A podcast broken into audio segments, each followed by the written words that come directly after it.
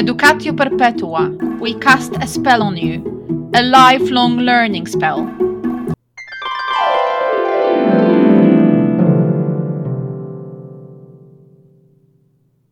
I have a couple of quick questions for you. Uh, I would like you to answer like in 10 seconds. Is that okay? Okay, I'll try. What is the book every teacher should read? Hmm. It would be Thought and Language by Lev Vygotsky.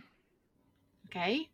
Uh, what non educational book are you reading right now, and why should everyone read it?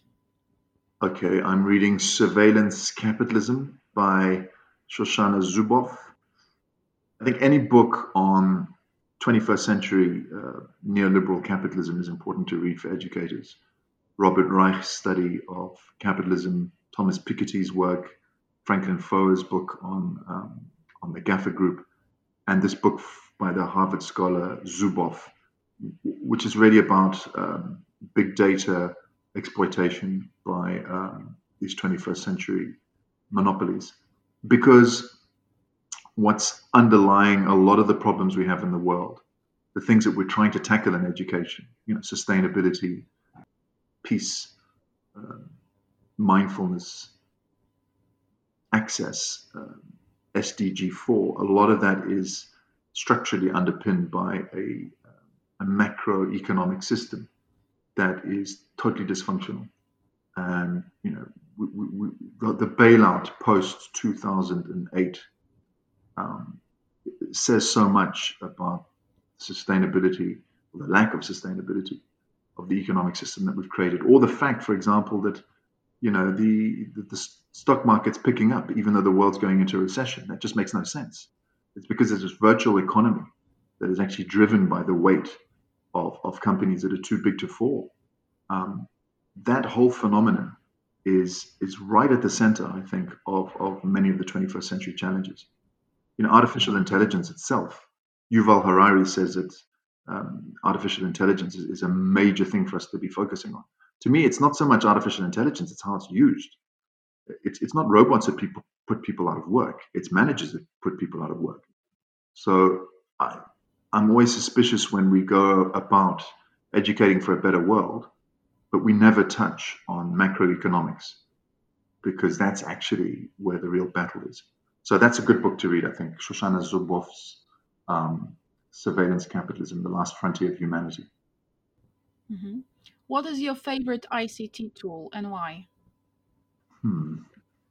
I, I, look, I, I, use Google Classroom. I use the whole Google suite. I'm, I'm a Google educator. I, I, mean, I don't. I've got some issues with Google as well, but I do quite like Google Docs. Now that might not sound very sophisticated, but I think there's something quite cool about having a whole class working on Google Slides or a Google Doc simultaneously, being able to see each other's edits you can produce things quickly. Um, yeah, I, I think there's a lot more that can be done with Google Slides, Google Forms, Google Docs than we think. Mm, yeah, I use it as well. Where do you usually look for uh, resources for your lessons? Do you have any play, favorite places in the web? I, I, I do like the thinking routines that uh, Harvard's Project Zero suite of professional development have produced. So we've put all our teachers through the Creating Cultures of Thinking course. A number of us have done Making Thinking Visible. I like those um, thinking routines. I think that they're, they're very good to start and end lessons.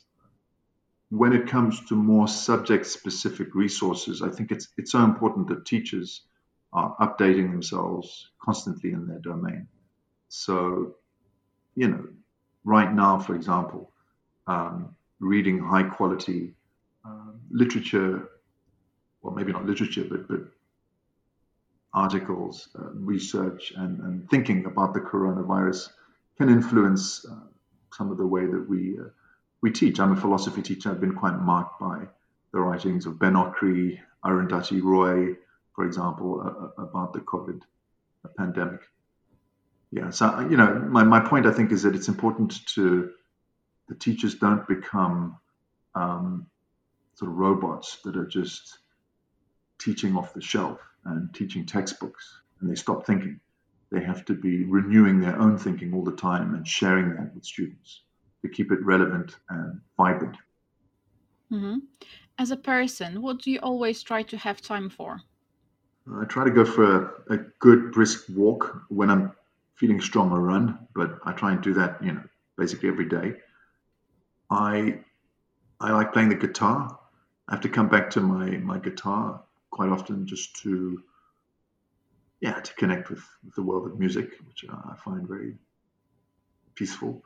I love writing as well. I think you know when I'm writing, I'm happy, so I try and, and, and put aside some time um, on the weekend and on the holidays every day to write. Now, there's family time. I mean, family time is is is the most important of all.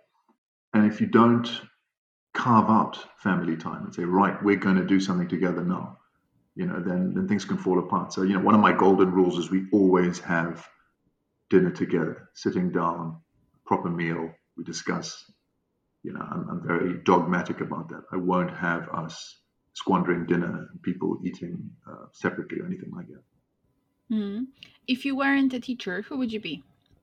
Hmm. Maybe a musician. And what is your greatest superpower? I do think that human beings have a spiritual dimension to them. This is one of the things that distinguishes us uh, as a species. And that having some kind of cosmic connection with uh, powers that are greater than yourself. And you, you, that could be organized religion.